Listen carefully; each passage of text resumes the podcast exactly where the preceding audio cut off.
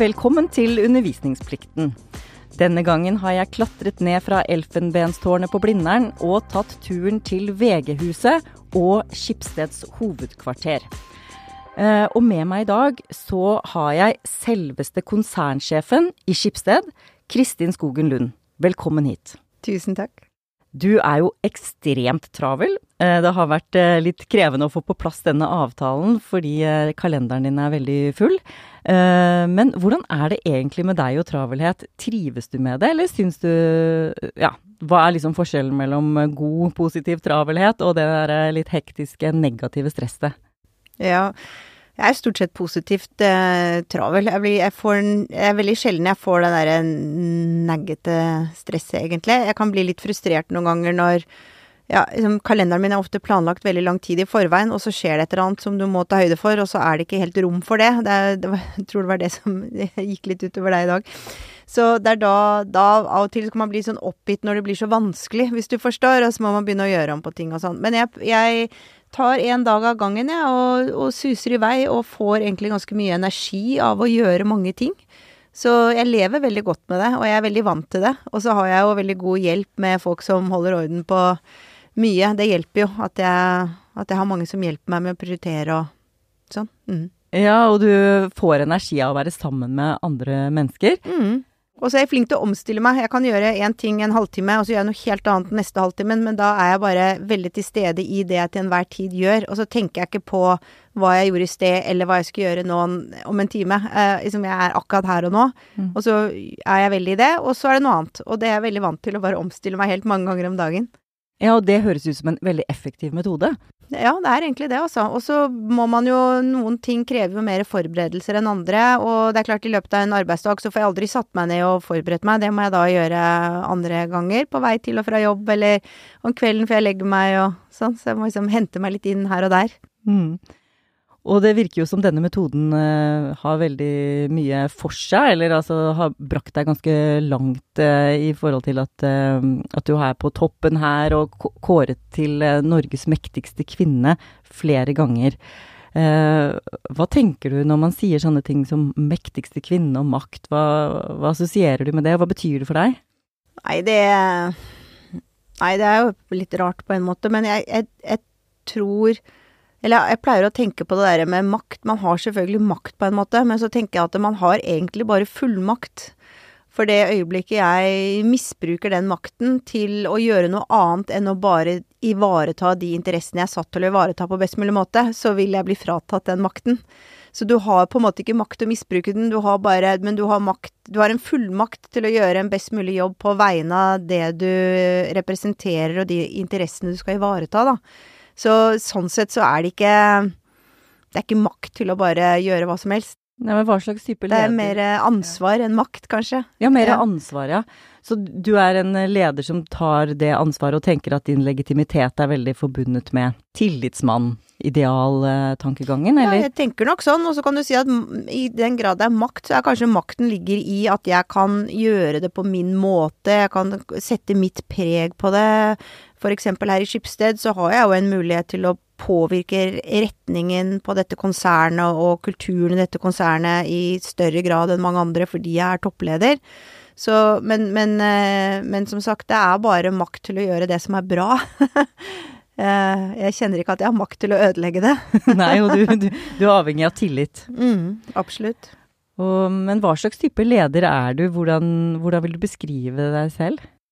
Jeg er eh, åpen og tilgjengelig, og så er jeg veldig nysgjerrig. Og så er jeg veldig direkte. Eh, det kan skremme folk noen ganger, men jeg tror med en gang man blir vant til det, så er det kanskje noe litt trygt òg. Det er veldig sånn what you see is what you get. Det er ikke noe, er ikke noe å lure på. Eh, så er jeg stort sett blid og omgjengelig, og så har jeg veldig respekt for folk. Altså jeg, jeg, er oppriktig imponert over alle som jeg jobber med, og lærer noe nytt hver dag. og går aldri rundt og tror at jeg vet best eller har svaret, men samtidig er det min jobb å trekke trådene sammen og formulere et tydelig budskap som gir en retning.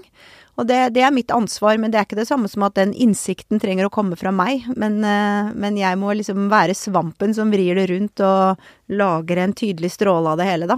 Mm. Ja, den svampen, det var et uh, godt uh, bilde. Men hvordan er det å være uenig med deg?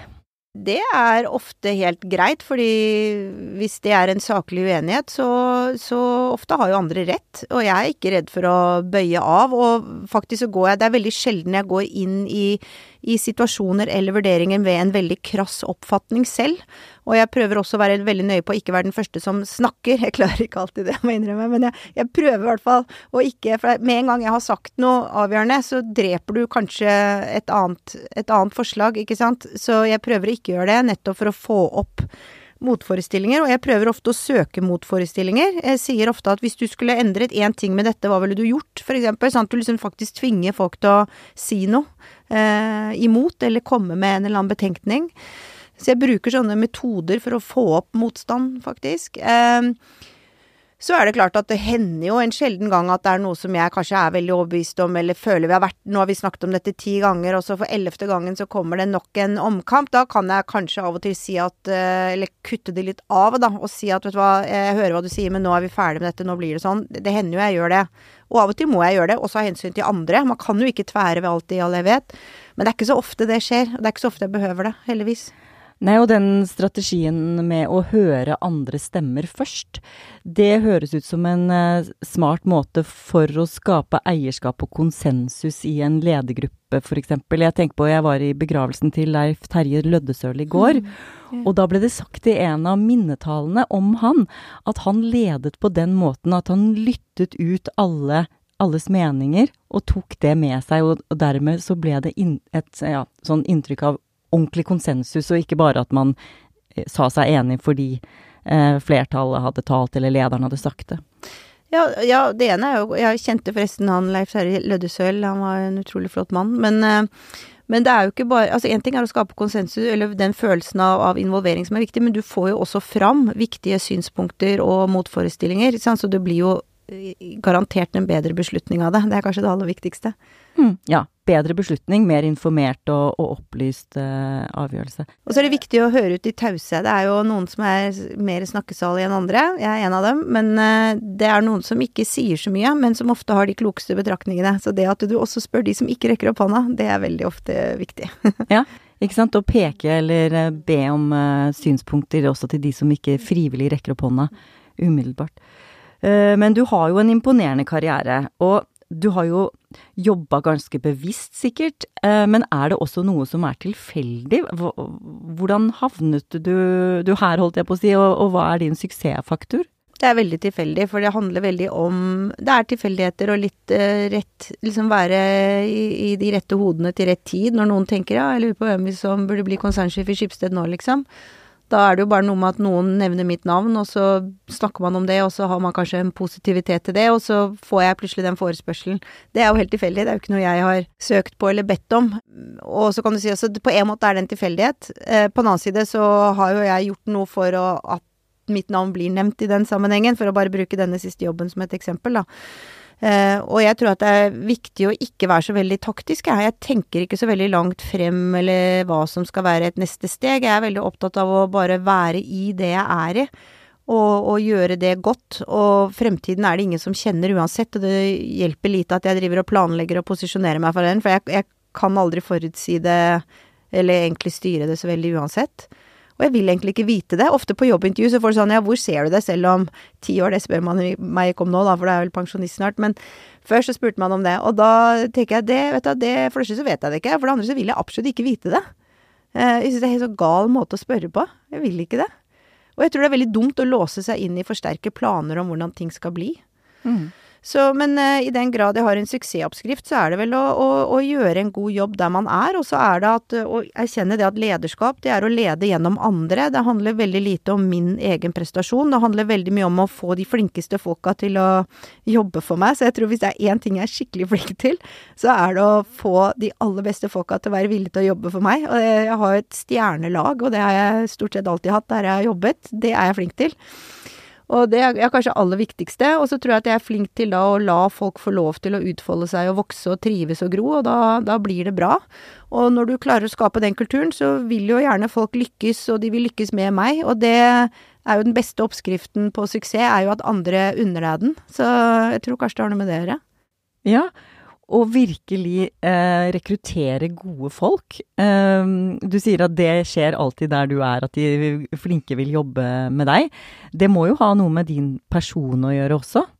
Ja, jeg skal ikke si det alltid skjer, men jeg, jeg, synes, jeg er i hvert fall mektig imponert over de menneskene vi og jeg har klart å rekruttere, da. Uh, ja, det, det, hjelper sikkert at man har et renommé, da, for å være en sjef som gir grobunn for andres uh, talent og mestring. Og det handler jo han, Harry Truman, han gamle presidenten, han sa en gang at du kan få til hva som helst her i verden hvis ikke du er så opptatt av hvem som får æren for det. Så det å kanskje um, passe på at man jobber som et team og hedre den som hedres bør, liksom at man, at man virkelig lar Eh, se på jobben sin som å faktisk eh, la folk få lov til å, å blomstre og skinne og utvikle seg. Og det er faktisk det som eh, Det høres litt sånn edelt ut, kanskje, men det er faktisk det som motiverer meg aller mest. Det er når jeg ser at jeg liksom virkelig kan bidra til det, da. Det får jeg et kjempekick av. Og du kan si den æren, eller hva jeg skal si, den, den, den farger jo litt av på meg uansett, så jeg, jeg, jeg får jo igjen for det, jeg også. Ja, du trenger ikke å ta mer ære, du kan heller være raus, høres det ut som? Ja, jeg håper i hvert fall det. Så føler jeg at jeg får masse oppmerksomhet. Altså jeg, får, jeg føler jeg får bekreftelse og feedback i bøtter og spann, så jeg, jeg, er jo jeg, Ja, jeg, trenger ikke å, å, å, å, karre til meg mer av det, egentlig. Jeg kjenner at jeg er på et sted i livet hvor jeg har fortsatt mye å gi, mye nysgjerrighet, og ønsker å bidra til å ja, se team og, og organisasjoner lykke sammen, da. Det er noe veldig ålreit med det. Og jeg leder jo veldig kollektivt. Altså dette er alt annet enn et one man show. Mm, og du sier at du var til rett sted, eller at folk tenkte på ditt navn.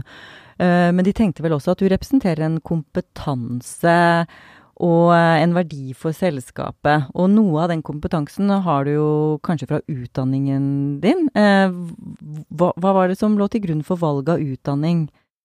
Ja, altså sannheten var at jeg var en veldig ivrig visepresident for hovedstyret til russen, så det gikk litt utover gymnaskarakterene mine.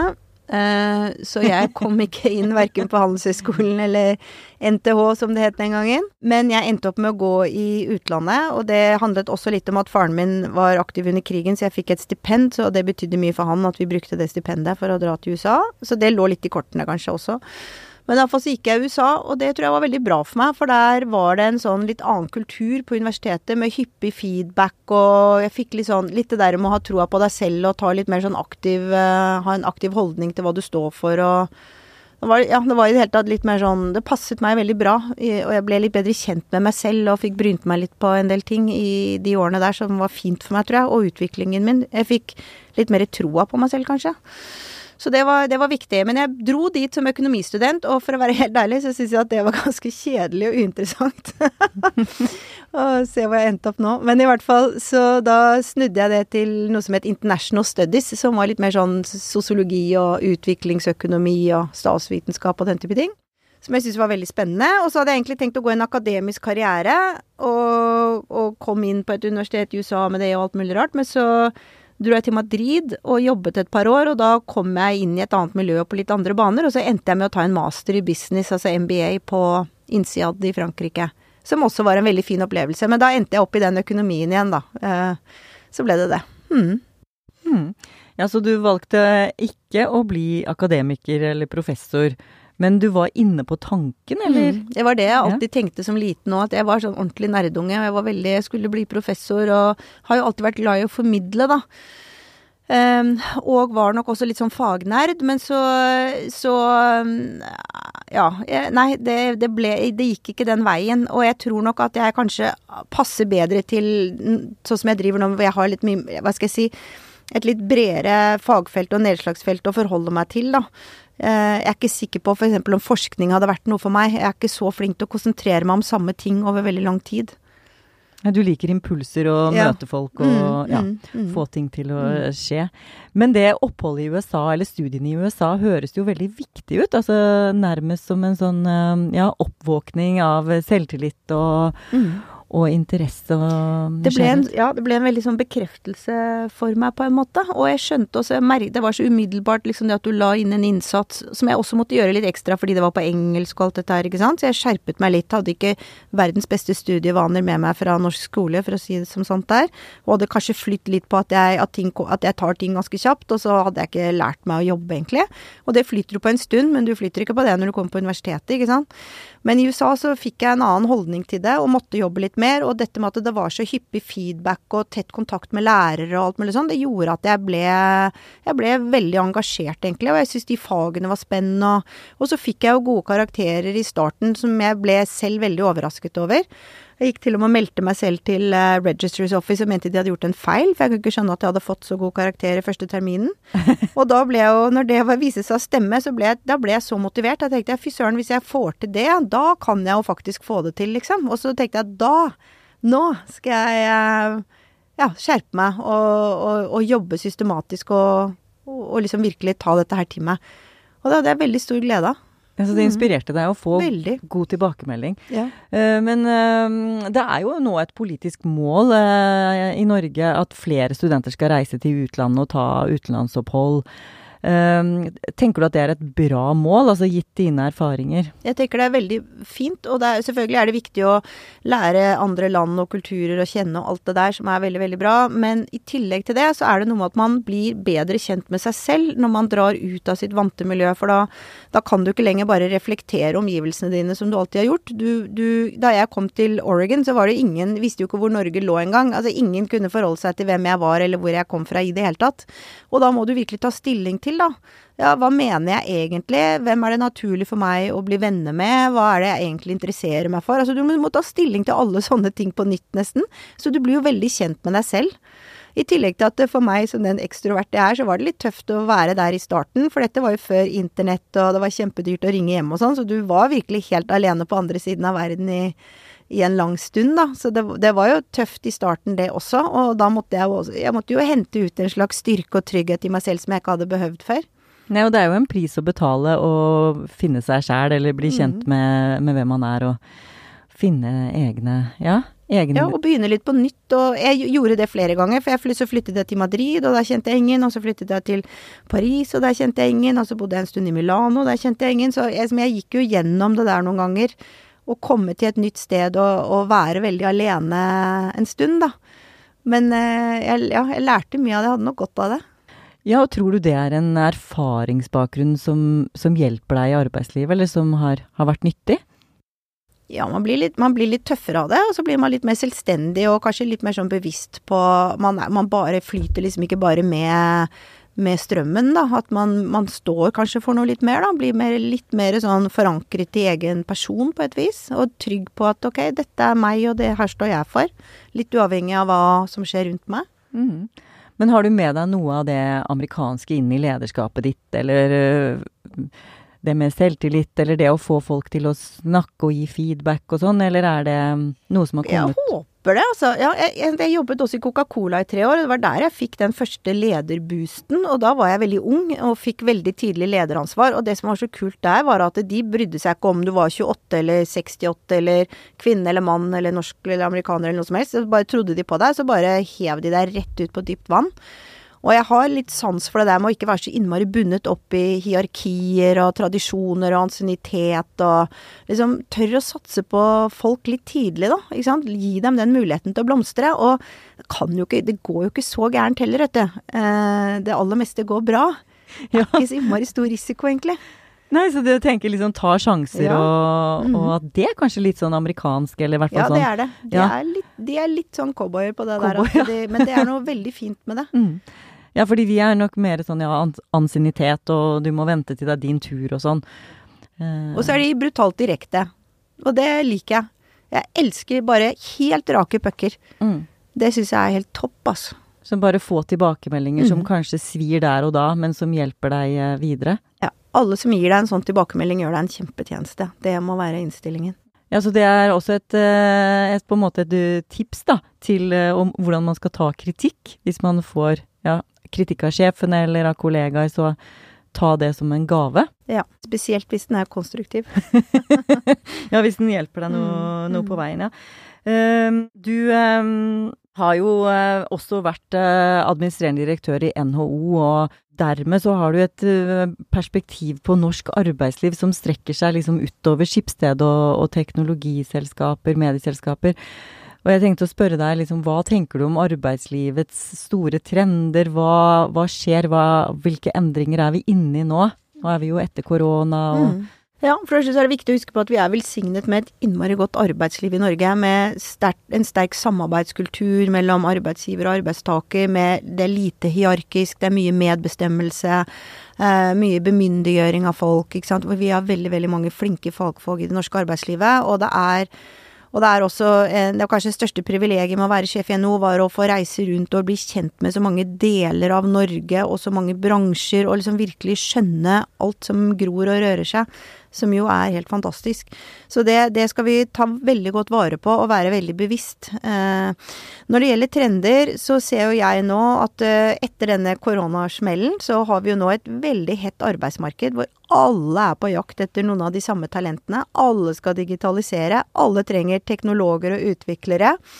Og de står veldig høyt i kurs, og man overbyr hverandre, og de bytter ofte jobb, og det er, eh, en, det er noe av det aller viktigste for arbeidsgivere som oss nå. Det er å holde på de flinke folka, men også hele tiden få inn eh, nye. Vi har 25 stykker i Skipsted som ikke gjør annet enn det. Talent Acquisition Team, og de er, jeg vil påstå, kanskje Norges vasseste rekrutteringslag, altså. Men eh, de, vi, i fjor så rekrutterte vi over 1000 personer til Skipsted, så det er en kjempemaskin. Men det der er, eh, det er viktig, og, og det kommer til å bli Alle kommer til å føle litt på det der, at det er en, et, en knapphet på visse sånne kritiske ressurser. Og, så det er et hot arbeidsmarked. Og så ser vi også en viss sånn polarisering, da. At du har disse som jeg vil kalle hard to get, som er typisk da utviklere og høykompetente mennesker. Og så har du en, kanskje en, også en gruppe som, det, som må kjempe om jobbene, ikke sant. At det, du ser litt den derre tendensen til denne polariseringen. Eh, den ser du også i eh, arbeidsmarkedet, egentlig. Du har en større gruppe som kan virkelig velge og vrake i enda større grad enn før, og så har du en stor gruppe som absolutt ikke kan det. Dessverre. Så Nei, for nå er jo arbeidsledigheten relativt lav. Så det kan jo virke som det er jobb for alle, men det du sier er at det er egentlig bare noen grupper som er virkelig, virkelig etterspurt, og så, og så må, må en del ta til takke med kanskje mindre attraktive jobber. Ja, men, og, nå, skal jeg, nå skal jeg være veldig forsiktig med å sitte og bedømme hva som er attraktivt og ikke, men, men du har en del ikke sant? Det er, det er riktig at det er vanskelig å få tak i folk i alle yrker. Det er vanskelig å få tak i regnskapsmedarbeidere. Vi ser at eh, de sliter med å få tak i bussjåfører. Altså, så det er mange, sant? mange yrkeskategorier som, som det er vanskelig å få. Men jeg, når jeg sier det jeg sier om polarisering, så tror jeg de fleste av de jeg snakker om der, de står utenfor arbeidslivet. Og de kunne kanskje vært i arbeidslivet, men, eh, men det er de ikke. Og det tenker jeg blir et øken, en økende utfordring. Mm. Og de kompetansene vi trenger framover, du nevner teknologi, teknologi, teknologi. Er det noe annet? Ja, det er det, men, men teknologien sniker seg inn i alt. Så du vil berøre teknologi eh, om du er her, da, hvis du er journalist. ikke sant? Det er blitt eh, Det er ganske heftig teknologisk jobb etter hvert å være journalist, for det er så datadrevet, og de bruker så mye teknologi i journalistikken, da, som et eksempel. Du møter teknologi i helsevesenet, ikke sant. Du møter i transportsektoren, du møter det overalt. Så det, teknologi er, er og blir viktig. Når det er sagt, så vet vi jo at det vil være et økende behov for helse og omsorg, eh, og vi vet jo at det vil være behov for kreative og dyktige sjeler på, på mange, mange felt. Så det er, det er behov for så mange ulike kompetanser, heldigvis, da. Men jeg må bare få sagt det enda en gang, ikke undervurder hvor viktig det er å ha en viss forståelse av teknologi fremover. Nei, og det er jo det man leser eh, når det gjelder også utvikling av artificial intelligence og samarbeid mellom maskin og menneske, da. At det er, eh, det er mye spennende som skjer i den retningen. Og Skipsted er jo med å, å drive utviklingen, og her er vel også teknologien en del av av kjernevirksomheten.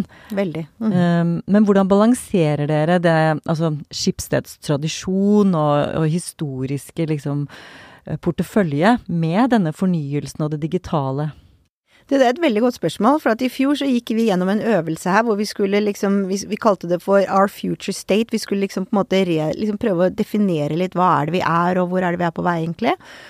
Og da endte vi i begynnelsen i en sånn slags debatt mellom akkurat det der. Fordi du har liksom, du har denne 100 og snart 190 år gamle, eller 180 år gamle medietradisjonen som, er, som vi er veldig preget av, og som liksom er sjelen vår på mange måter.